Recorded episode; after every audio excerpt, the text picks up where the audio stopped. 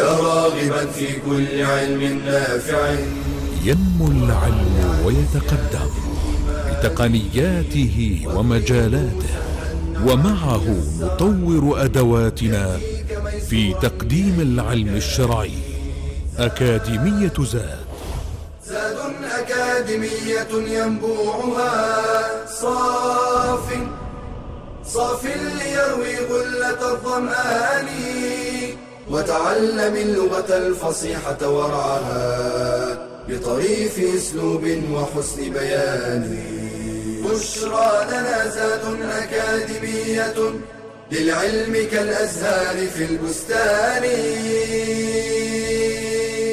بسم الله الرحمن الرحيم.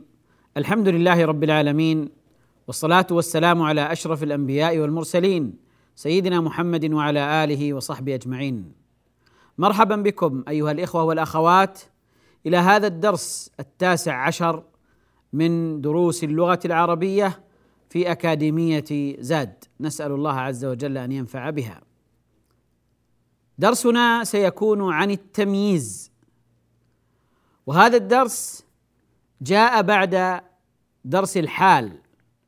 وكلاهما منصوب. وكلاهما اسم. وكلاهما نكرة. وكلاهما فضله. لكن يختلفان في أمرين مهمين. الأمر الأول أن الحال الغالب فيها أن يكون أن تكون مشتقة. والغالب في التمييز أن يكون جامدا. والأمر الآخر أن الحال وهو المهم جدا أن الحال يفسر الهيئة يفسر المبهم من الهيئات. حينما أقول استقبلت الضيف مبتسما فهنا المبهم هو كيفية هذا الاستقبال. هيئتي حينما استقبلت. كيف هي؟ فالحال يبين الهيئة. فالهيئة أنني استقبلته مبتسما. لكن التمييز يبين المبهم من الذوات. قد يتكلم المتكلم ويتحدث ويأتي بلفظ مبهم. لفظ يحتمل أمور كثيرة. مبهم. فيأتي التمييز ليفسر هذا المبهم ليفسر هذا المبهم.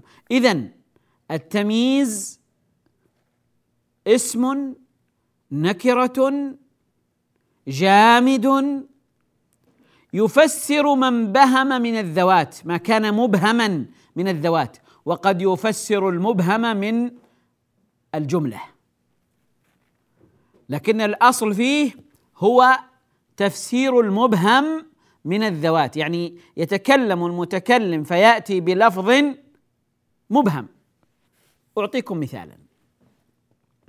لو قلت لكم اشتريت صاعا الصاع هذا آه، مقدار من المقادير مقدار من المقادير آه، آه، الكيل.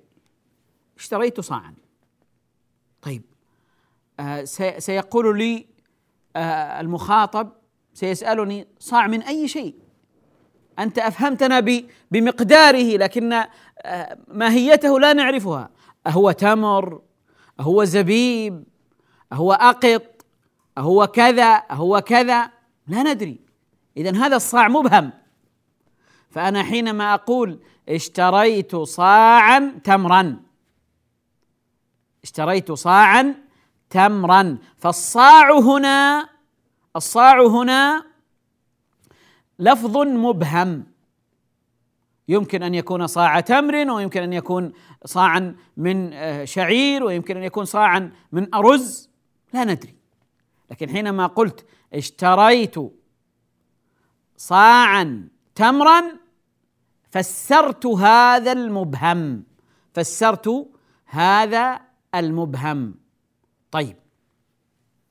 كذلك أيضا لو قلت مثلا آه، اشتريت مترين قماشا. مترين هذا مساحة مقدار المساحة مترين. لكن من أي شيء؟ ما هو تفسير هذا المبهم؟ حينما قلت قماشا عرف أنه مترين من القماش. وأمر مهم جدا. أن التمييز هو يتضمن معنى من. يعني حينما قلت اشتريت صاعا ثم قلت تمرا كأنني قلت اشتريت صاعا من التمر. اشتريت مترين قماشا كأنني قلت اشتريت مترين من القماش من القماش. اذا التمييز هو تفسير يميز تفسير لما انبهم لما كان مبهما من الذوات. لأن السائل إذا سمع هذا المقدار أو سمع ما قبل التمييز لا يعرف. لو قلت مثلا آه، حضر هنا ثلاثة عشر. ثلاثة عشر ماذا؟ العدد معروف الآن أنه ثلاثة عشر لكن آه، أهم رجال طلاب صغار كبار. حينما أقول أستاذ مبهم العدد مبهم هنا. معروف عدده تعداده ثلاثة عشر لكن ثلاثة عشر من أي شيء؟ من أي شيء. فأنا أقول حضر هنا ثلاثة عشر رجلا ثلاثة عشر طالبا ثلاثة عشر طفلا.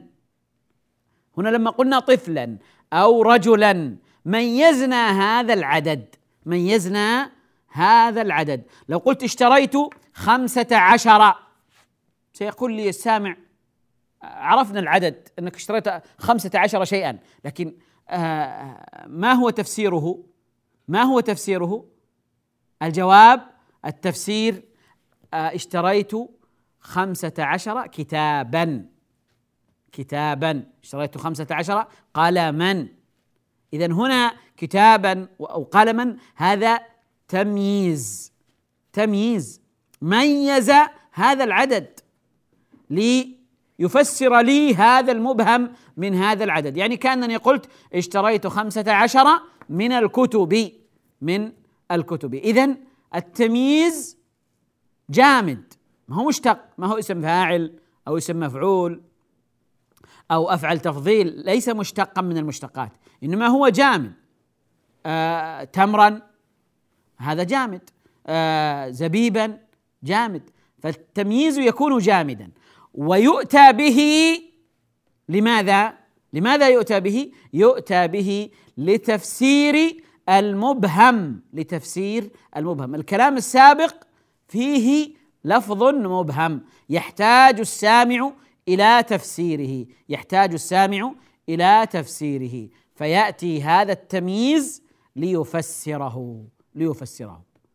فإذا آه، خلاصة الكلام أن التمييز هو اسم جامد نكرة يأتي ليفسر المبهم سواء كان مبهم من الذوات ألفاظ مبهمة أو الجملة فيها إبهام يحتاج إلى تفسير يحتاج إلى تفسير.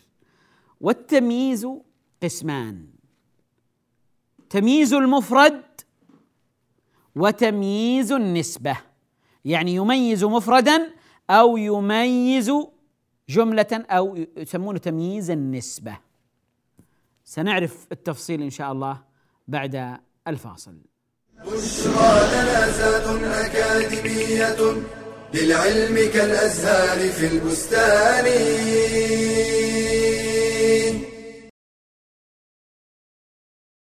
أمانة عظيمة ومسؤولية كبيرة.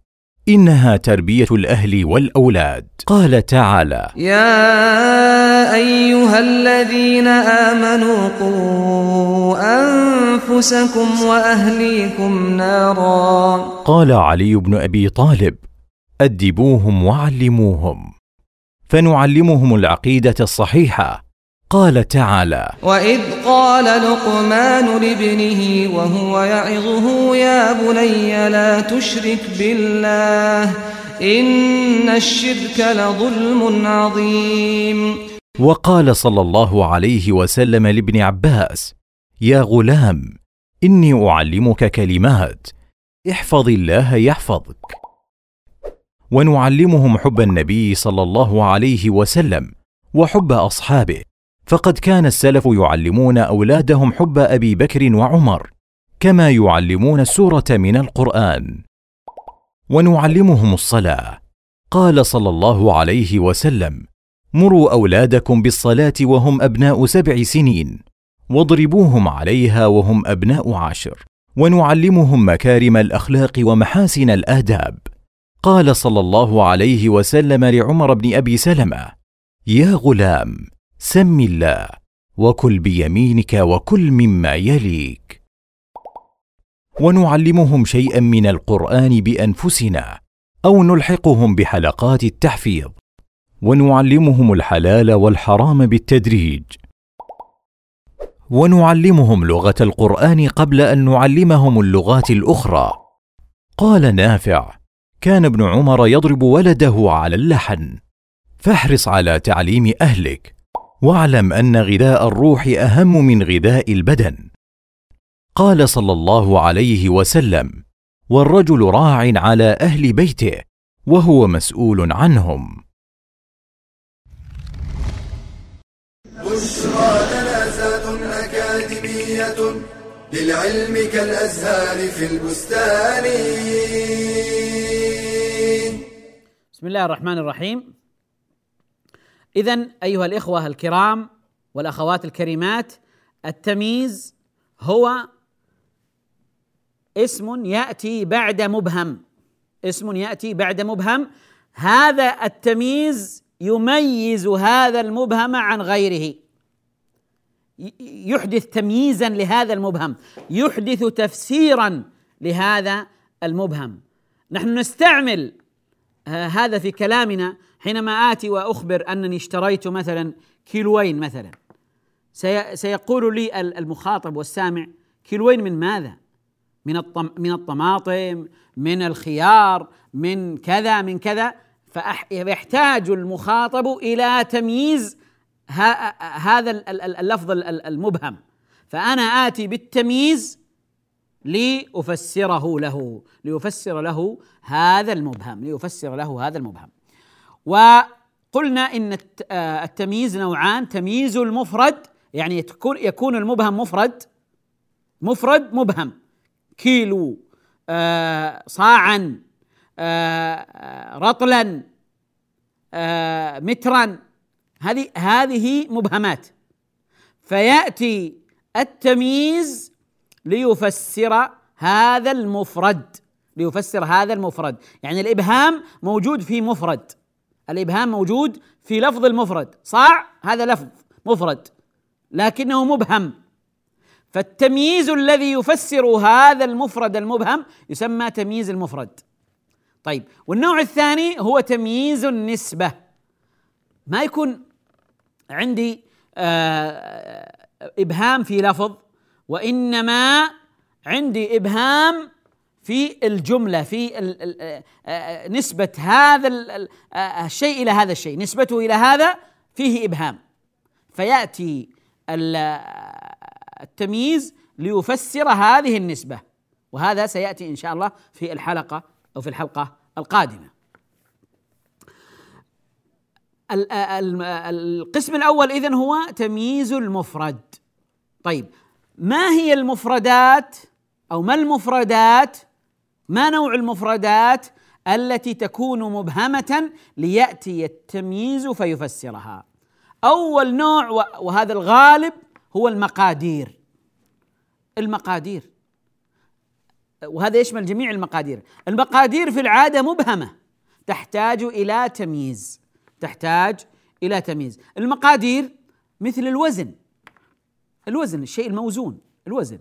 يعني حينما أقول مثلا اشتريت كيلوين مثلا هذا مبهم يحتاج إلى إلى تمييز. حينما أقول اشتريت رطلا رطلا رطل هذا وزن محدد معروف. لكن من أي شيء ما هو ما هي المادة التي التي اشتريتها؟ أنت أعلمتنا بوزنها. لكن ما ندري هي ماذا هذا الرطل؟ فلو قال مثلا اشتريت رطلا لحما. رطلا لحما.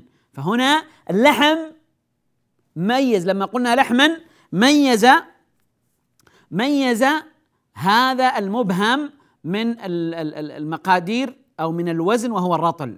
فلما قلت رطلا السامع لا يدري ما هي مادة المشترى هذا. هو لحم سمك آه، شيء آخر مما يوزن. لا غير مميز. فيأتي قولنا لحما فيكون تمييزا. فأنا حينما أقول اشتريت رطلا كيف نعرب رطلا؟ كيف نعرب رطلا؟ رطلا نعربها أنها مفعول به. اشتريت رطلا. لكن لحما هنا لحما هنا جاء تمييز لهذا الرطل. تمييز لهذا الرطل. كذلك أيضا من المقادير الكيل. وفرق بين الوزن والكيل. الكيل مثل الصاع. صاع أو مد. هذا صاع هذا كيل يعني حجم معين. ولذلك مثلا آه، الصاع مثلا من التمر في مقداره مثل الصاع من الأرز مثل الصاع من الزبيب لكن قد يختلف وزنهما قد يختلف وزنهما. يعني مثلا في آه، في زكاة الفطر في زكاة الفطر عندنا آه، زكاة الفطر تكون صاعا تكون صاعا من تمر من آه، أقط من طعام صاعا من طعام. فرض رسول الله صلى الله عليه وسلم زكاة الفطر صاعا من طعام. شوفوا صاعا من طعام. ما يكون صاع من غير الطعام. ما يكون صاع من غير الطعام.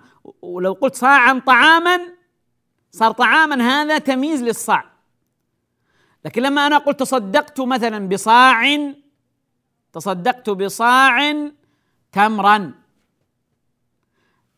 لما حينما أقول لك تصدقت بصاع أنت تعرف المقدار. لكنك لا تعرف ماهية هذا المتصدق.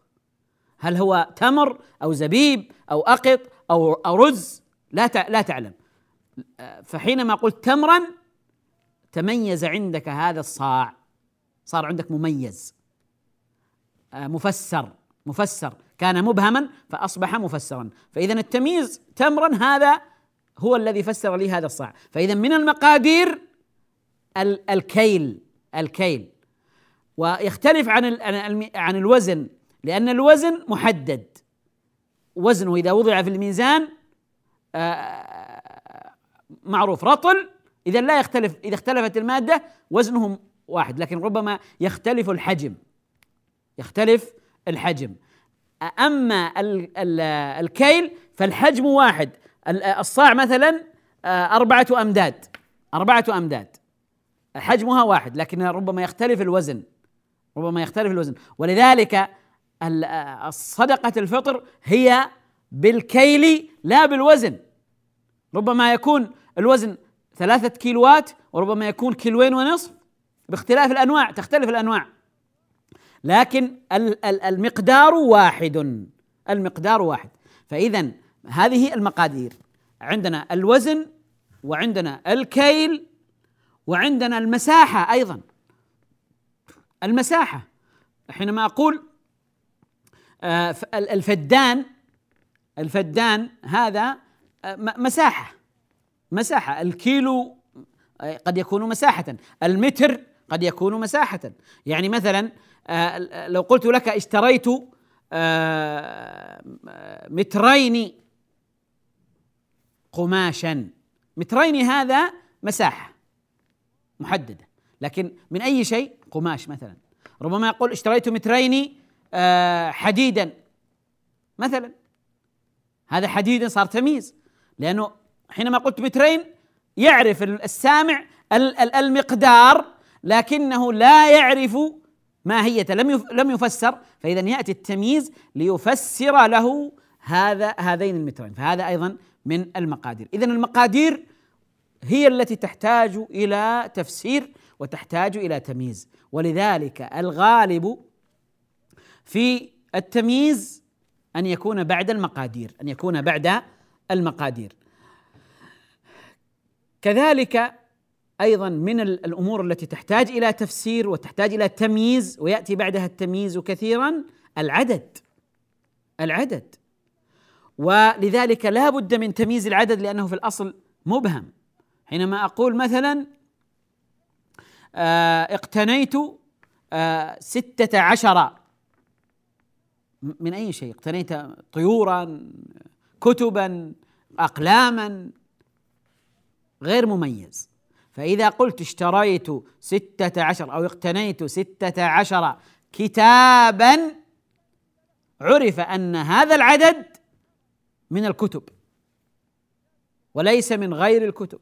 وليس من غير الكتب. وعليه فهنا العدد يحتاج إلى تمييز فيأتي بعده التمييز. قد يأتي بعد العدد التمييز منصوبا وقد يأتي مجرورا. يعني ما قلت لو قلت مثلا اشتريت تسعة كتب تسعة كتب. ولذلك في العدد يقولون بعد العدد من ثلاثة إلى عشرة يكون التمييز مجرورا بالإضافة. اشتريت تسعة كتب. أما آه، الأعداد المركبة آه، أحد عشر واثنى عشر وثلاثة عشر آه، إلى تسعة عشر وكذلك ألفاظ العقود عشرون وثلاثون وأربعون وخمسون. يأتي تمييزها منصوبا. اقتنيت عشرين كتابا. عندي ثلاثون قلما. ثلاثون قلما. إذن المقادير ثم العدد هذه من المبهمات التي تحتاج إلى تفسير ويأتي بعدها التمييز. فاصل أيها الإخوة ثم نواصل. بشرى لنا أكاديمية للعلم كالأزهار في البستان.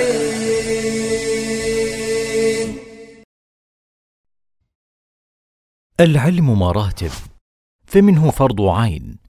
وهو تعلم ما لا يتأدى الواجب إلا به كتعلم صفة الوضوء والصلاة ومنه فرض كفاية كعلوم الحديث ومنه نفل كالتبحر في أصول الأدلة.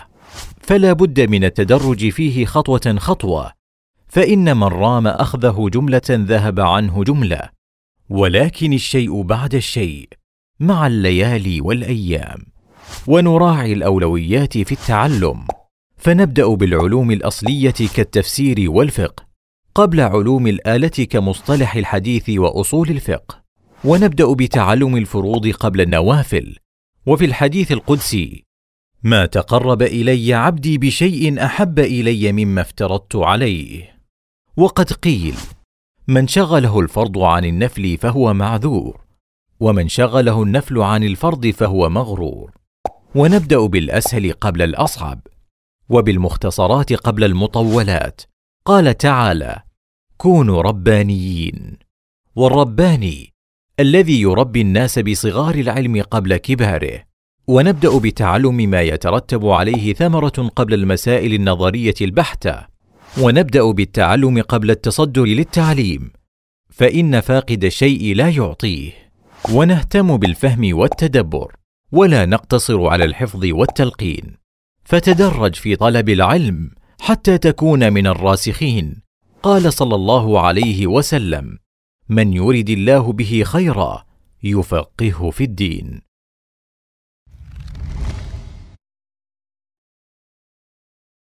بشرى لنا أكاديمية للعلم كالأزهار في البستان.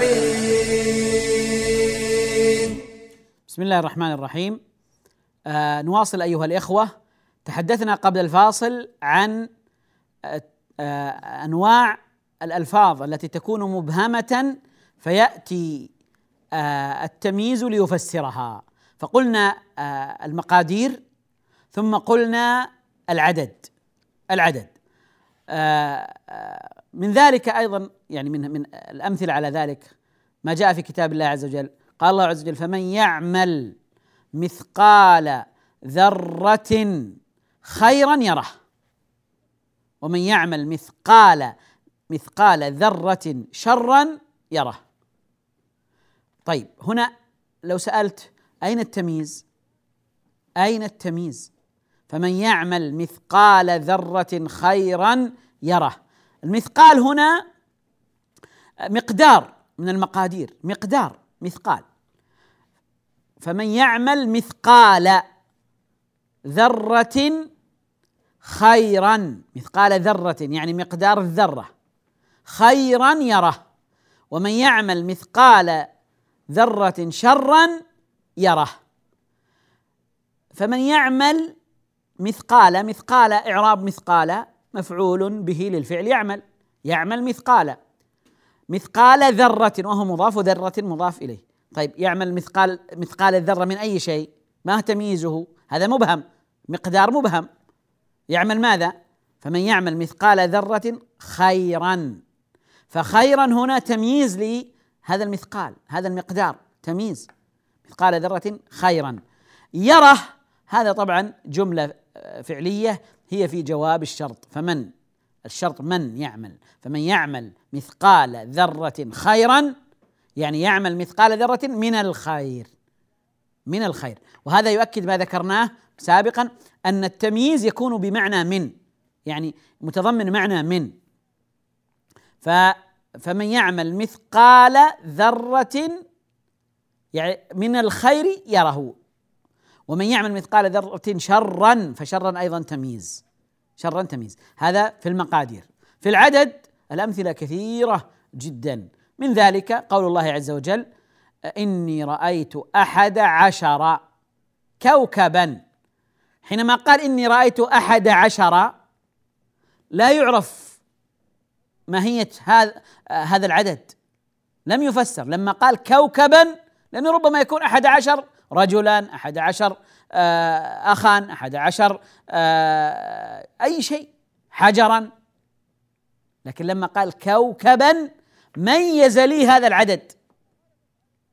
فكوكبا إذن هنا تمييز للعدد الذي سبقه تمييز للعدد الذي سبقه. طيب إذا المقادير ثم العدد. كذلك أيضا ما يدل على مماثلة. آه عندي آه مثل ما عندك. طيب مثل ما عندك من أي شيء؟ لو قلت عندي مثل ما عندك من أي شيء. أنا عندي أشياء كثيرة. عندي مثل ما عندك مثلا آه، أقلاما. عندي مثل ما عندك كتبا. ما دل على المماثلة يحتاج إلى تمييز لأنه أيضا مبهم. مبهم. عندي مثل ما عندك كتبا. قال الله عز وجل ولو جئنا بمثله مددا ولو جئنا بمثله مددا. فهذا مددا تمييز لما قبله. كذلك ما يدل على المغايرة ما يدل على المغايرة. كقوله مثلا إن لنا غيرها آه، إبلا مثلا. إن عندنا غيرها إبلا. إن عندنا غيرها شاء. إن عندنا غيرها كتبا. فهو يدل على المغايرة. عندي غير ما عندك لكن المغايرة في أي شيء تحتاج إلى تمييز تحتاج إلى تفسير. فيأتي التمييز ويكون تمييزا تمييز المفرد. هذا كله من نوع التمييز تمييز المفرد لأن الألفاظ التي تسبق التمييز تأتي مبهمة. هو اللفظ اللفظ نفسه يأتي مبهما. يعني يصدق على أشياء كثيرة يصدق على أشياء كثيرة فيأتي التمييز ليفسر هذا المبهم وليميزه عن غيره وليميزه عن غيره. كذلك أيضا يأتي التمييز تمييز المفرد بعد كم الاستفهامية بعد كم الاستفهامية. بمعنى حينما أقول لك كم اشتريت كم اشتريت ستقول لي من أي شيء؟ من أي شيء يعني اشتريت من الطعام آه، من الكتب من الأجهزة. لكن لما أقول كم كتابا اشتريت؟ كم كتابا؟ هذه استفهام. أنا أسألك آه، كم اشتريت؟ كم عدد الكتب التي اشتريتها؟ فجاء كتاب كم كم آه، كتابا اشتريت؟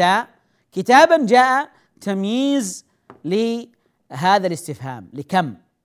وكم هذا مفرد مبهم. فهو من نوع تمييز المفرد تمييز المفردات تمييز المفردات. كذلك أيضا كم الخبرية لكن كم الخبرية يأتي تمييزها مجرورا. يعني كم الخبرية لا يقصد بها الاستفهام إنما يقصد بها التكثير يقصد بها التكثير. كم كتب اشتريت؟ كم كتاب اشتريت؟ يعني ما أكثر ما اشتريت من الكتب فهنا كم الخبرية يقصد بها الخبر يقصد بها الخبر فهي تختلف عن الاستفهامية لكن آه، الخبرية. والاستفهامية؟ كم الخبرية وكم الاستفهامية؟ كلاهما يحتاج إلى تمييز. يحتاج إلى تمييز. لكن جعلوا تمييز كم الاستفهامية؟ منصوبا. وجعلوا تمييز كم الخبرية مجرورا.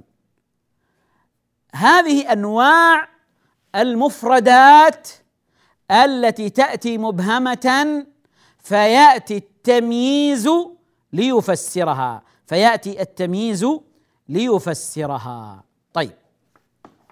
بقي معنا إعراب التمييز. التمييز يكون منصوبا. يكون منصوبا. وهذا هو الأصل لأنه من المنصوبات. لكنه قد يأتي مجرورا. إما مجرورا بالإضافة أو مجرورا بمن. وحين ذلك لا نعربه تمييزا منصوبا. إنما نعربه مجرورا بحرف الجر أو مجرورا بالإضافة. هو المعنى واحد تقريبا. المعنى واحد. لكنني هنا استعملت الإضافة وهنا استعملت حرف الجر وهنالك نصبت آه، التمييز فجاء منصوبا. يعني آه، المثال المذكور عندكم في الكتاب آه، حينما يعني مثل فقيل شربت كأسا حليبا. لاحظ معي أيضا هنا كأسا هذا مقدار. ربما يكون ماء ربما يكون عصيرا ربما يكون حليبا ربما يكون أي شيء آخر من المشروبات. شربت كأسا. طيب كأسا حليبا. حليبا هنا تمييز فسر لي هذا المقدار الذي شرب هذا المقدار الذي شرب. شربت كأسا. فشربت فعل وفاعل وكأسا مفعول به وحليبا تمييز. وحليبا تمييز لأنه ميز لي ميز لي ما شرب. ما الذي شرب؟